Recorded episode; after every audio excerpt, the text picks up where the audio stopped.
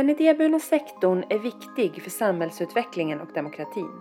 I denna podcast möter vi olika personer som kan ge dig nya perspektiv och kunskap om samhället. Välkommen till dagens avsnitt med mig Rebecka Hagman, kommunikatör på Skyddsvärnet. I det här avsnittet ska vi prata om hur det kan vara att vara anhörig till någon som har fått ett fängelsestraff. I förra veckans avsnitt var vi inne på samma tema och fick lyssna till Madeleine Kattel som berättade om BUFs verksamhet. Idag är Sofia här för att berätta sin historia om chocken, bemötandet och hur hon och sina barn har påverkats av en situation som för henne uppstod från ingenstans. Hej och välkommen Sofia! Hej, tack så mycket! Hur mår du idag? Jag mår bra, tack. Hur skulle du presentera dig för någon som inte känner dig? Ja, vad skulle jag säga? Eh, En vanlig mamma. Mm. Ja. Och du är här för du har en situation eh, och en historia att berätta. Kan du börja med att berätta lite grann om hur allting startade? Vad var det som hände? ja, det var väl för ett och ett halvt år sedan ungefär som jag fick eh, reda på eh, via min mans jobb att han hade gjort en eh, brottslig handling och hade fått sparken utan att jag visste om det. Och det här kom som en, en stor chock för dig. Ja, Så att när du fick reda på det här, vad, vad hände då? det vart ju en chock då för hela familjen. Det som hände, det var väl mer att jag trodde inte att det, skulle, att det var ett sånt grovt brott som det var. Att eh, det inte skulle drabba resten av familjen. Och det var det man sa till mig. Det var det, det första Ja, du fick höra, ja, att det inte mm, skulle påverka dig. mm. Men vad kände du när du fick höra det då?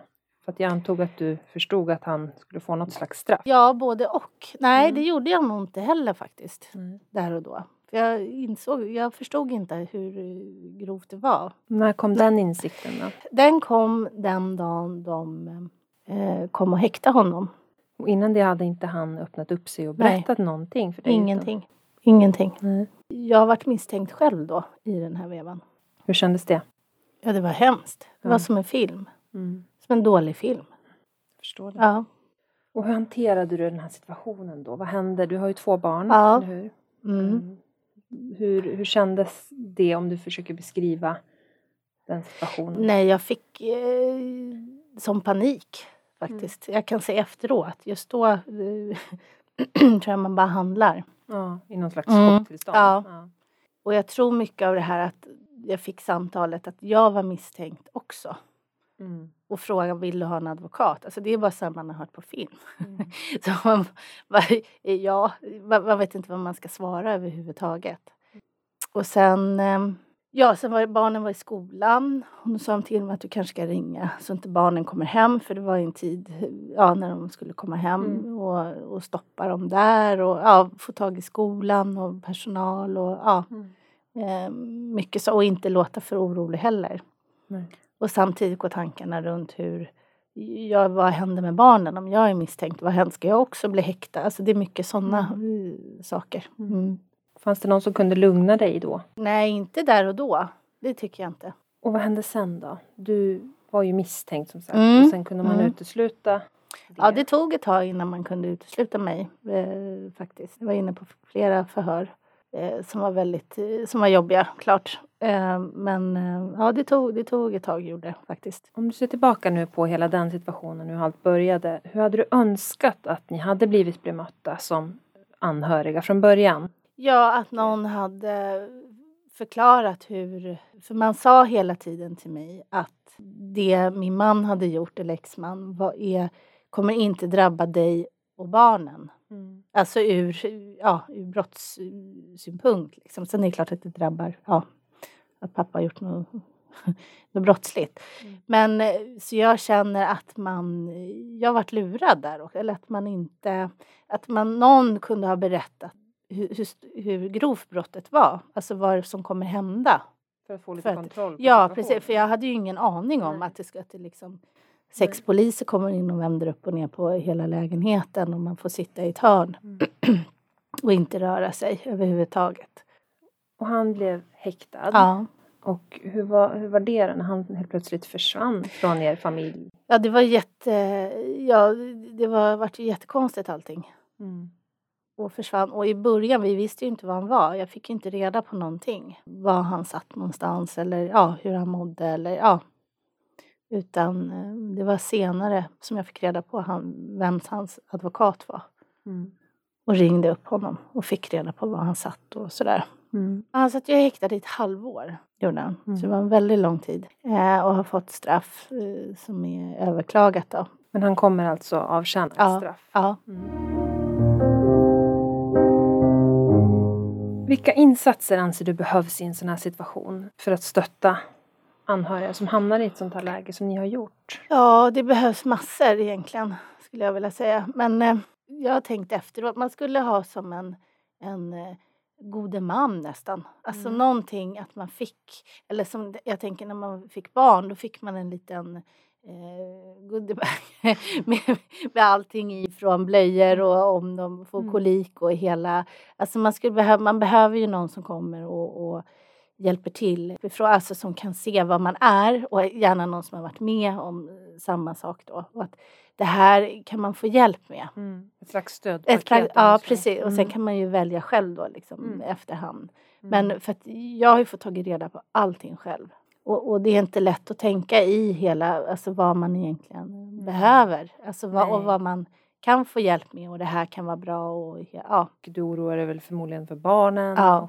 Den situationen. För vi pratade lite om det innan men du har ju ditt perspektiv och din känsla kring Mm. allt det här och sen har ju barnen sin Mm. Mm. upplevelse. Mm. Hur upplever du att de har tagit allt det här? Vi har ju alltid varit väldigt öppna faktiskt och pratat eh, med barnen så vi har aldrig hållit någonting eh, hemligt på något sätt så. Att, Mm. Alltså vad som skulle hända och vad som händer. Så att, eh, och tror att de kan prata mycket med oss. eh, Så hoppas jag att de känner att de kan. Men det är klart att det har varit jobbigt. Det har varit jättejobbigt. Och helst då kanske som ena barnet har väldigt mycket kontakt med sin pappa och även på fritiden med fritidsintressen. Och så försvinner pappa bara helt plötsligt. Och vad ska man säga? Vad ska man göra? Var, och pappa kanske är den som har kört runt och, och plockat upp andra barn och, och Mm. helt plötsligt är han borta. Och vad ska man säga? Har du upplevt att de har känt någon slags skam för det? Ja, Och berättat Ja, för kompisar? framförallt och- Ena. och? Ja, Ja. jättemycket skam. Mm. Mm. För jag kände till slut att jag orkar inte gå och vara... Och det blir ändå för man måste ringa överallt och då måste Mm. man säga det går inte, jag får inte tag på honom för han sitter häktad. Mm. Och I början är det jättejobbigt men sen ja, blir man van med det. Och sen har jag känt att jag, jag orkar inte gå runt och hålla en fasad utan det, det är så det är och det är inte mitt brott. Det är inte Nej. vårat brott och det är inte mitt fel. Så att, eh, men det är jättejobbigt. Mm. Och mm, den ena ja, känner att ja, måste du säga, måste du... Sen går man inte runt och berättar det för allt och alla eller, eller vad det innebär. Eller, alltså Nej. hela, men det ska bara rulla på och vara som Mm. vanligt liksom. Föreställningarna som dina barn hade om fängelse och så, när, när ni fick reda på det här, hur tacklade du liksom deras känslor inför för vad det var och hur gick ni igenom det på något sätt? Fick ni hjälp med det? Jag vet att Buff jobbar ju Ja, med, Buff med jobbar jättemycket med det. Det var jättebra. Eh, och hur det skulle gå till kanske till, och till första besöket då när och besökte hur det skulle vara och, och, och så. Kriminalvården har ju även filmer på man kan gå in och se hur Mm. det ser ut. Om när man är häktad eller om man eh, avtjänar fängelsestraffet. De olika. De tittar Mm. vi på, Mm. gjorde vi. Ja. Det var bra. Eh, men det är ju mycket det här med kläder, alltså vad har han för kläder? Mm. Vad, eh, ja, det är mycket som kommer. Hur får de tvätta? Hur får Mm. de, ja men hela den får de mat, får de äta vad de vill. Ja men hela, ja det är mycket, mm, det, är mycket, det blir mycket tankar Mm. Och mycket funderingar och, och vad man gör och vad man inte får göra och vad, Upplevde du att de kände någon oro för att han inte skulle ha det bra? Eller att Ja. han skulle utsättas för någonting? ja. Det, det känner jag. Ja. Så jag tror det var bra med, med första besöket. Sen var det jobbigt så mitt ena barn ville inte gå dit på ett tag för att det var så jobbigt. Mm. Och då, jag, det kan också ha varit att hon varit påmind av att eh, pappa var borta. Mm. Att det blir också en jobbig... Ja. Mm. Och det här med att barnen och du har fått något slags stöd, psykologiskt stöd Mm. och prata med någon. Är det Mm. någonting som ni har erbjudit? Nej, dem? ingenting. Utan det fick jag ordna själv. Och som tur var har jag lite kontakter med, inom barnpsykologi så att vi Mm. fick till en nyöppnad mottagning. Men då, är det, då ska papper skrivas på. Då måste pappa godkänna att barnen får gå hos Mm. psykolog. Så det är jättejobbigt. Det är mycket sådana saker Mm. som ställer till Mm. det. Att Mm. man inte får kontakten Mm. och, och så. Mm. Och han ska vara delaktig i vissa Mm. saker. Är det någonting som du anser bör Ja, ändras? Ja, Mm. Att sen när jag fick kontakt med BUFF och det och de berättade men man kan göra en tillfällig ensam vårdnad medan man är Mm. häktad. Det hade jag ju behövt från början. Jag tycker Mm. det ska man liksom få som på vid förlossningen det här lilla kittet liksom. Mm. Vill du ha det här då får du det. Mm. Och det bryts den då, alltså att det inte är för evigt utan att ja det kan ju vara att man behöver söka skola, du ska söka pass. Du, alltså det är så mycket som eh, måste skrivas på och det är jättejobbigt. Och helst när någon sitter häktad. Mm. För att då måste allting gå via eh, advokat och till häktet och tillbaka och sen ja, hela. Det är ju svårt att få ihop vardagen när någon sitter häktad framförallt då för att man, man ska till exempel man ska betala räkningar och de hade låst våra konton. Mm. Eh, man kommer inte in i kontona. Och jag har alltid varit, det, det, kom, det var tungt för att jag har alltid velat gjort rätt. I början så betalade jag allt som kom i brevlådan rakt av. Och det, och det funkar ju inte heller när man har haft en ekonomi på två personer och så blir man ensam helt eh, plötsligt. Liksom. Men jag, jag har alltid varit så. Mm. så jag, jag vill inte göra fel så jag bara betalar allting. Och där kanske man också skulle haft hjälp. Alltså att du kan vänta med det här och det här. Det här gör ingenting. Eller ja, man blir ju låst för att man har eh, saker ihop som man äger ihop. Som jag känner att ja, men jag kanske måste sälja till exempel en sommarstuga eller någonting. Och den personen vägrar då, som sitter häktad. Och då är man låst. Alltså man, Mm. jag kan känna att de får styra ganska mycket över situationen. Och helst när det tar ett halvår och sitter häktad i ett halvår. Det blir, någonstans måste det här betalas. Mm. Och då blir det jag som ska betala det här själv. Mm. Eh, som man har haft på två då innan. Och för att jag har ju ingen lust att hamna hos Kronofogden. Jag skulle känna på något sätt att man skulle ta ifrån, eftersom häktningstiderna är så pass långa idag också. Det är ju kanske inte meningen att någon ska sitta häktad i ett halvår. Eller jag tror inte att det är tanken överhuvudtaget. Men det gör det idag tyvärr. Mm. Att man kanske får ta ifrån den personen eh, att man får som en fullmakt och, och mm, styra upp saker. Eh, För att vi blir så utsatta som familj när den personen säger nej eller man kommer, det är den här GDPR, man kommer inte in. Mm, det går räkningar till en mejladress, till min exmans mejladress. Jag, får, jag försöker ringa för att göra rätt, liksom, för att betala räkningarna. Nej, det går inte. Och det, det finns liksom ingen, man tänker inte på att eh, eh, det kan hända eller det blir lite, du får skylla dig själv eller alltså Ja. lite så. Mm. Och som många säkert har idag som lever som gifta eller sambopar eller vad som helst, att man har olika. Och då, då får man bara vänta ut och så får det komma som ett kravbrev sen. Och det känns lite tråkigt. Du berättar lite mer om, om BUFF då och hur, Mm. hur, kom, hur kom du i kontakt med dem och vad har, du, vad har ni fått för hjälp där? Ja, vi har fått jättemycket hjälp av UFF. Ehm, jag tror det var, jag gick in och började läsa själv eh, och även anhöriga runt mig om BUFF, att BUFF Mm. fanns. Och sen även eh, min exman eh, skickade att det fanns eh, till mig för Mm. barnens skull. Så det har varit ett jättestöd. Vad har varit viktigt för dig personligen i allt det här? Dina föräldrar till Ja, exempel? ja. Ja gud, det hade inte gått annars. Det hade absolut inte gått. De har gjort otroligt mycket, hjälpt till med barnen. Mm. Jag har ju faktiskt jobbat hela tiden. Mm. För att det har varit min, eh, mitt andrum Mm. att kunna jobba. Men hade jag inte haft dem som hade hjälpt mig att skriva brev, man sitter i många som ja, med besökstid, alltså det är mycket tider som ska, Mm. man sitter i mycket telefonköer och Mm. mycket, stöter på mycket patrull med allting. Och de har gjort väldigt mycket. Mm. Ja, så hade man inte jag haft dem, då hade jag nog gått i personlig konkurs själv Mm. tror jag. Då hade jag fått sluta jobba. För det är ett heltidsjobb Mm. bredvid och skriva brev. Och jag förstår hur, här, hur samhället ser ut som det gör. Mm. Att det är inte är konstigt idag att det gör det. För jag har ändå människor runt mig. Jag förstår, man kan för, liksom förstå systemen på svenska och allt sånt där. Så jag förstår att det är, och det har varit jättetufft. Om vi går in lite grann på, på relationen med din man idag Mm. då. Hur, hur ser det ut? Pratar ni idag? Nej, inne inte mycket. Gör vi inte. Är han ute nu? Ja. ja. Mm. Mm. Och väntar på Ja. straffet? Ja, precis. Nej, tyvärr så... Och det är väl han som har valt. Mm. Mm. Och hur, hur är det för barnen? Då har de någon kontakt med honom? Ja, de har kontakt med honom. Mm. Eh, har de. Ehm, men det, det blir ju jobbigt. Det blir mycket som händer med Mm. allting. Med, först med allt som händer då med när han satt häktad och sen skilsmässa. Vad det, det är ju Mm. jobbigt för alla eh, ändå överhuvudtaget. Såklart. Och i att vi inte bor ihop och så hela, ja det finns ju en oro. Du nämnde också när vi pratade innan här att när han kom ut från, från Mm, häktet mm. att han var väldigt nedgången, Ja. inte sig själv Nej. och mådde väldigt dåligt. Ja. Nej, och det har han ju sagt själv att Mm. det, de har ju ingen hjälp så. Utan det var väl prästen vad jag förstår.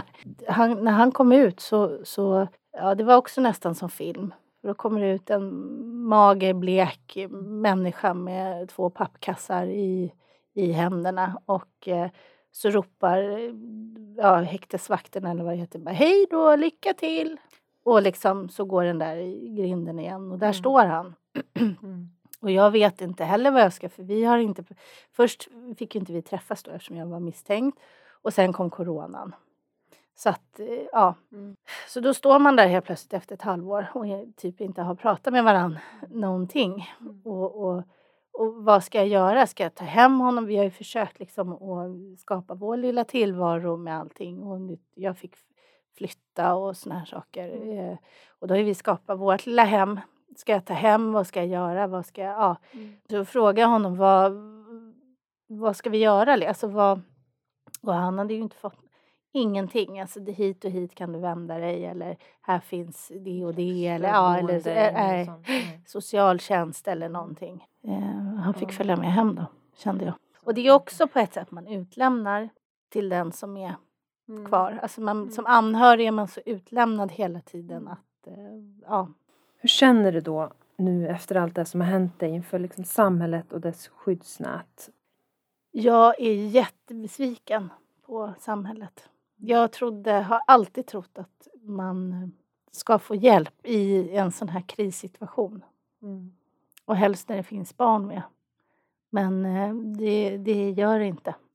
Jag vet att vi har varit inne på det lite men, men den hjälpen som du verkligen känner att du har saknat. Kan du försöka säga konkret, vad är det ni hade behövt? Ja, vi hade behövt en eh, bostad. Vi bodde i andra hand. Där vi hade köpt en lägenhet som vi fick avbryta då när allt det här hände. Så jag behövde en lägenhet och det var en korttidskontrakt i huset bredvid. Och man säger nej. Eh, och jag liksom, ja, för att- till allting hade blivit klart. Och framförallt för barnens skull så att vi Mm. skulle få bo kvar. Men det jag varit hänvisad till det var att du får hyra i andra hand. Även fast det är dyrt och du får jobba mer. De, de, alla vet att det är dyrt och att det liksom är... Mm. Ja. Eh, och sen... ja, jag vet Jag kan nog säga att jag har nog inte fått hjälp någonstans i eh, samhället så faktiskt. Jag Mm. jobbar ju och har en hyfsad in, alltså som Mm. ja, medelsvensson inkomst. Att Mm. och det var det jag ofta fick till mig. Och då tänker jag att ja, men jag orkar jobba, jag orkar göra det här. Och framförallt för barnen. Mm. Eh, och det kändes liksom, ska man behöva hamna och stå på gatan för att vi ska få hjälp? Det känns ju helt absurt. Mm. När det kanske bara är en övergående period dessutom. Att man i den här kris, eh, krisläget som är, att man kan få den, Mm. det stödet där. Du berättade att du var öppen och liksom Ja. berättat om vad som hänt för nära och Mm, liksom mm. andra personer. Hur har du upplevt att det har tagits emot när du har berättat om det här? Det är ju båda dera. Mm. eh, är det. Det är många som inte förstår att jag inte har sett det här. Eh, och det kan jag väl tänka själv också. Men de flesta tar det väldigt bra. Mm. Men det är klart att det finns folk som tycker att jag eh, har varit dum. Alltså som, Mm. det, det förstår jag ju, att det är folk som säger saker. Mm. Det, men sen, ja, de som är ens nära vänner, det är ens nära vänner och de vet. Mm. Och det, det räcker för mig. Verkligen. Sen får resten, eh, tycka och tänka vad de vill faktiskt. Så jag, har blivit, jag har blivit lite hård Ja, det, Det var jag inte riktigt förut Nej. utan allt skulle, jag ville att allt skulle vara men nu har jag blivit mer så att det är deras problem. Jag kan inte, nej, du kan inte nej, det. nej. Det låter bra. Vi vet våran sanning eller vad man ska säga och de som är nära mig vet det. Och sen, ja. Hur mår du och barnen idag? Jo men idag mår vi nog, eller nog, vi mår bra tycker jag. Vi har kommit in i rutiner och, och sådär men det är klart att det är jobbigt.